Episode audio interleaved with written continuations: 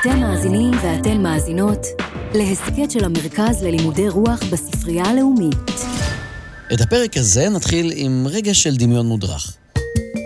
תארו לעצמכם עולם שבו כולם חיים בשוויון, בהרמוניה, בשגשוג מוחלט, עולם שבו כולם מתאחדים בנחישות למען מטרות משותפות, וכל אחד מוצא את מקומו בשקט ובשלווה. נשמע קצת הזוי, נכון? עכשיו, תארו לעצמכם שכל החזון המטורלל הזה מתגשם בחווה חקלאית בין החיות. עכשיו זה כבר נשמע מופרך לגמרי, נכון? אז זו המציאות בעולם של הספר חוות החיות. אבל זה לא כזה פשוט. החגיגה הפרוותית הזאת מאוד מאוד מהר נפרמת, וצדדים אפלים צצים. נשמע מוזר? נשמע מעניין? זאת רק ההתחלה. ספרים ששינו את ההיסטוריה. מגיש עומר סנש. סיפורנו מתחיל בחוות האחוזה באנגליה. החזיר הזקן, שעונה לשם מייג'ור, אוסף את כל חיות החווה ומספר להן על התוכנית שלו, לכונן משטר עצמאי של חיות, שלצורך הקמתו החיות יתאגדו וייפטרו מבני האדם, מבעלי החווה, ספציפית ממר ג'ונס.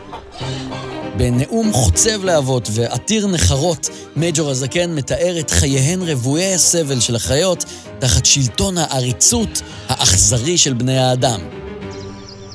ובכן, חברים, מהי מהות חיינו? חיינו למען האמת עלובים, יגעים וקצרים. אנו נולדים, מקבלים מזון מועט רק כדי שלא תפח נשמתנו, ואלו מאיתנו שמסוגלים לעבוד, עובדים בכפייה עד כלות כוחם. וכשכבר אין בנו תועלת, שוחטים אותנו מיד באכזריות נוראה. אין חיה אחת באנגליה שיודעת עושר או שעות פנאי כלשהן מרגע שמלאו לה שנה. נכון. צודק. אין חיה אחת חופשייה באנגליה. חיי החיות אינם אלא סבל ועבדות, זוהי האמת לאמיתה. אבל האם מצב כזה הוא אכן חלק מסדרי הטבע? האם ארצנו ענייה כל כך עד שאין היא יכולה לספק ליושביה חיים ראויים?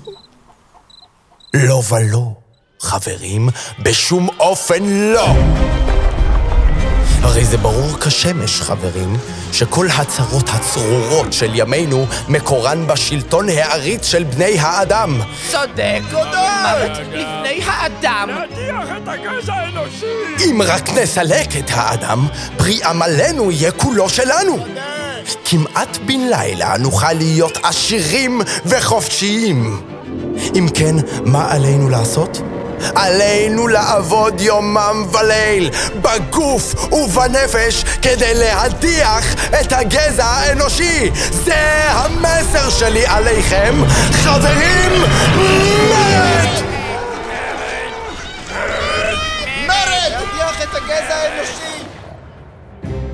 מייג'ור אומנם נופח את נשמתו החזירית רק שלושה ימים אחרי הנאום הזה, אבל החיות מצליחות להגשים את החזון שלו. הן אכן מגרשות את בעלי החווה ונשארות חופשיות בתחומי החווה. עכשיו, כל בעל פרווה וטלפיים, נוצות או מקור, הוא אזרח שווה בחווה. החיות מחליטות להעמיד בראשן את קבוצת החזירים, שתנהל את חיי החווה, כי הם נחשבים לחיות החכמות ביותר בחווה, הן אפילו מצליחות ללמד את עצמן לקרוא אנגלית. הבולטים שבחזירים, שנותרו אחרי לכתו של מייג'ור, הם נפוליאון, הנמרץ והכוחני, סנואובול, החכם והמעודן, וסקווילר, הרועש, צווחני בעברית, עוזרו של נפוליאון, שנבחר להיות מזכיר השלטון החדש. בשלב הזה, כפי שאתם בוודאי מתארים לעצמכם, הכל נראה אופטימי. העתיד נראה ורוד. החיות אפילו מנסחות את שבע הדיברות של השלטון החדש. כל ההולכים על שתיים הם אויבים. הם אויבים, כל ההולכים על ארבע ובעלי הכנף הם ידידים. הם ידידים. לא תלבש חיה בגדים. לא נלבש בגדים. לא נלבש בגדים. לא תישן חיה במיטה. לא תשתה חיה משקאות משקרים. אה, משקאות משקרים. לא תהרוג חיה כל חיה אחרת. לא נהרוג. כל החיות שוות זו לזו. שבת זו לזו! נשמע טוב, נשמע הוגן, נכון? אם הייתי חזיר או ענפה, הייתי שמח לחיות בחווה הזו. אבל מכאן העניינים מתחילים להידרדר. קבוצת החזירים, שבראשה המנהיג האגרסיבי נפוליאון, מתחילה בהדרגה לצבור זכויות יתר. החזירים פתאום דורשים לקבל את האוכל המשובח ביותר, את התפוחים ואת חלב הפרות. הם קובעים לעצמם שעת השכמה מפנקת. החזירים משכנעים את הלא חזירים שכל הזכויות האלה מגיעות להם, בזכות העבודה הקשה שלהם בהנהלה של החווה. סקווילר החזיר הוא נואם מכונן. הוא מצליח באמצעים רטוריים מתוחכמים לשכנע את החיות העובדות שמצבן עדיין טוב בהרבה משהיה תחת שלטון בני האדם. זכויות היתר של החזירים הופכות מעכשיו לעובדה קיימת. נפוליאון צובר לעצמו עוד ועוד זכויות, הוא הופך את עצמו לחזיר כל יכול. כלומר, לשליט כל יכול. כל החיות שוות זו לזו, אבל חלק שוות יותר. הוא משתמש למשל בכלבים שאילף כדי לדכא את המתנגדים. הוא גם לא בוחל בפוליטיקה פנימית. למשל, הוא מגרש את החזיר סנובול, שמתחיל לצבור קצת כוח משל עצמו ומאיים על שלטונו. והוא עורך מסע טיהור נורא בחווה. במהלכו הוא מכריח את החיות להתוודות על פשעים שביצעו, והוא מוציא אותן להורג. בקיצור, נפוליאון משתמש בכל הטריקים הנוראיים שיש למנהיגים אכזריים בשרוול, והוא לא מפסיק. פולחן האישיות שהוא מטפח משמש אותו כדי לבצר את הדיקטטורה שלו, והאווירה בחווה הופכת להיות, נקרא לזה, קצת פחות מאוטופית. אילו היה לי גור פעוט, אילו היה לי גור פעוט, בטרם מגדל וגודלו עוד פחות, בטרם יגדל וגודלו עוד פחות, מזרת עומד אצבע הון הון הון, הלמדהו כי עליו להיות. למדהו כי עליו להיות, נאמן ומסור למנהיג החיות, נאמן ומסור למנהיג החיות, הדבר הראשון שמפיו יפלוט, הדבר הראשון שמפיו יפלוט, יהיה החבר נפוליאון. אבל נפוליאון לא עוצר כאן, הוא מבצע עוד ועוד מעשי זוועה, מעשים שמשתווים באכזריותם למעשי בני האדם. במילים אחרות, המהפכה משלימה מעגל שלם של 360 מעלות, והמצב חוזר למקום כמעט זהה לנקודת הפתיחה. אמנם עכשיו השליט הוא חזיר והוא לא בן אדם, אבל הניצול שהחיות בחווה חוות תחתיו מאוד מאוד דומה.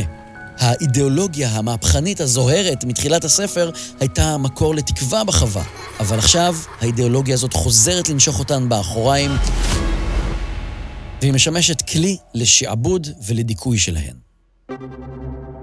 חיות מדברות, חווה פסטורלית, אמ, רצח ודיכוי אכזרי, אלה אומנם חומרי בניין מעולים לספר מרתק, אבל למה דווקא הספר הזה נחשב לספר ששינה את העולם, שהשפיע על ההיסטוריה בענק?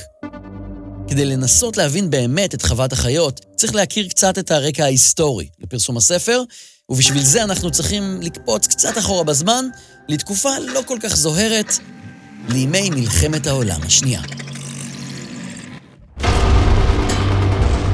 הימים ימי מלחמת העולם השנייה. העולם כולו נמצא עכשיו במאבק. ארצות הברית, ברית המועצות ובריטניה משלבות ידיים ונלחמות בכל הכוח נגד גרמניה הנאצית. הגוש הזה נקרא בעלות הברית. כל המדינות בגוש משתפות פעולה די יפה במהלך המלחמה, כי העולם באמת צריך את זה, צריך להילחם בנאצים.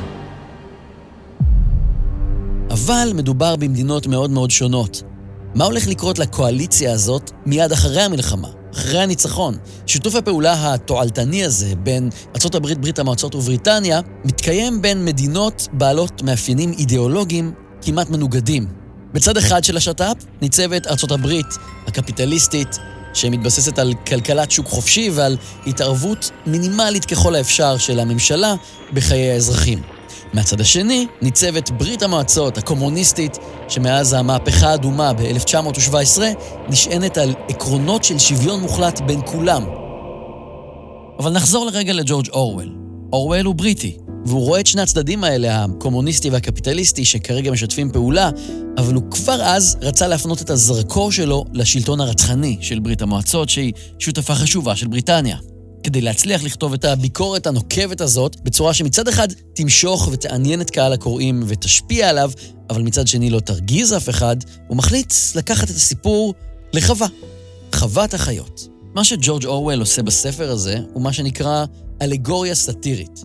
אלגוריה סאטירית היא משל שנועד להגחיך את המציאות ובעיקר להגחיך את הדמויות שעליהן נכתב הסיפור. במקרה שלנו, הסיפור נועד להגחיך את ברית המועצות הקומוניסטית, ובעיקר את המנהיגים שלה. ואם בודקים קצת לעומק, לכל דמות בחוות החיות אפשר למצוא מקבילה במציאות של אותן שנים, ואת רוב האירועים בסיפור אפשר לזהות די בקלות עם אירועים היסטוריים אמיתיים שהיו ממש אקטואליים כשהספר יצא. הנה למשל דוגמה. החזיר העריץ נפוליאון הוא בן דמותו של סטלין. החזיר סנובול שגורש מייצג את טרוצקי. העיקר ג'ונס, בן האנוש, שגורש גם הוא מהחווה, הוא הצאר ניקולאי השני, שבמציאות הודח והוצא להורג. הכלבים הם המשטרה החשאית של סטלין. ויש עוד המון קשרים כאלה ולא קשה למצוא אותם, וחלק מההנאה בקריאת הספר נובעת מהשתתפות במשחק הניחוש הזה. משחק שבו אפשר ממש בקלות להתאים את הדמויות והאירועים למקבילות המציאותיות שלהם. היום, למי שהוא לא היסטוריון, המשחק הזה אולי קצת יותר מסובך, אבל חשוב לזכור שמדובר בשמות ובמונחים שהיו מאוד מאוד רלוונטיים לקוראים בזמן שהספר יצא. הביקורת החריפה הזאת של אורוול על ברית המועצות הייתה בוטה מדי לזמנו. היא הייתה כל כך בוטה שמוציאים לאור סירבו לפרסם את הספר הזה. אחד מהם התייעץ עם משרד ההסברה הבריטי, והם טענו בפניו ש... אין ספק שהבחירה בחזירים ככת השלטת תפגע בהרבה אנשים, ובמיוחד בכל מי שהוא מעט רגיש, כפי שהרוסים הם. בסוף הספר ראה אור רק שלושה חודשים אחרי המלחמה, ב-17 באוגוסט 1945. בזמן אמת היו גם מי שביקרו את הספר, היו מי שטענו שהספר פשטני מדי, שהמשל שקוף מדי, לא מתוחכם מספיק.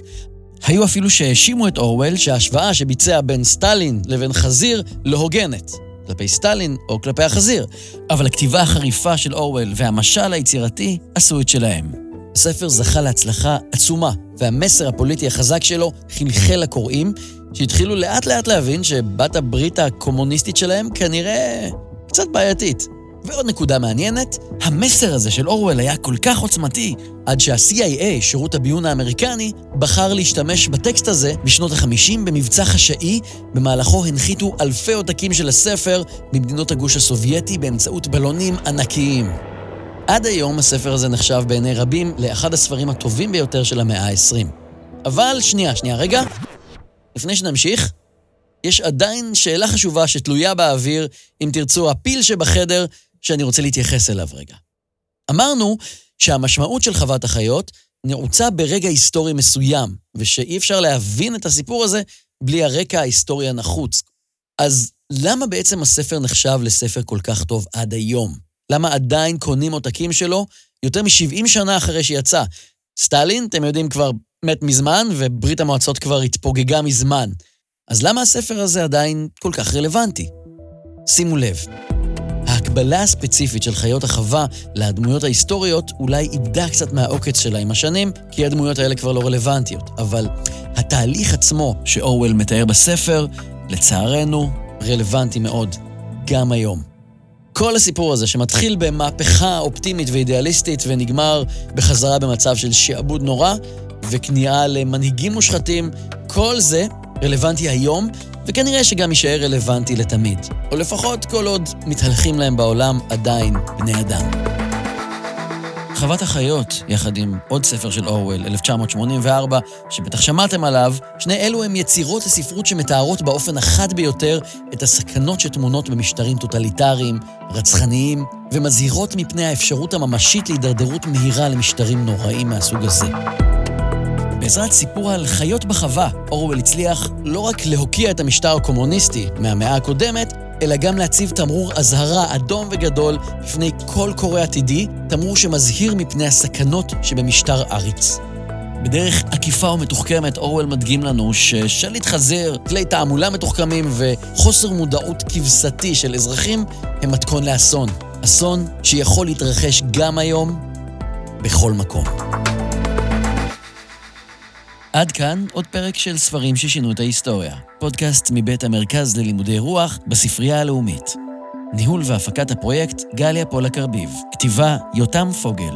תחקיר לאה קני בלופרון. שחקני התסכית הם תומר בן עמרם, ליאור אביבי ועומר שמשוני, והבמאי הוא נמרוד עציון. תודה לראש אגף חינוך ותרבות, צילה חיון, למנהלת המרכז ללימודי רוח נטע שפירא, למפמ"רת ספרות מירב בראוטבר פסט ולעידו קינן. ההסכת הופק בתמיכת קרן עזריאלי. אני עומר סנש, תודה על ההאזנה ונשתמע בפרק הבא.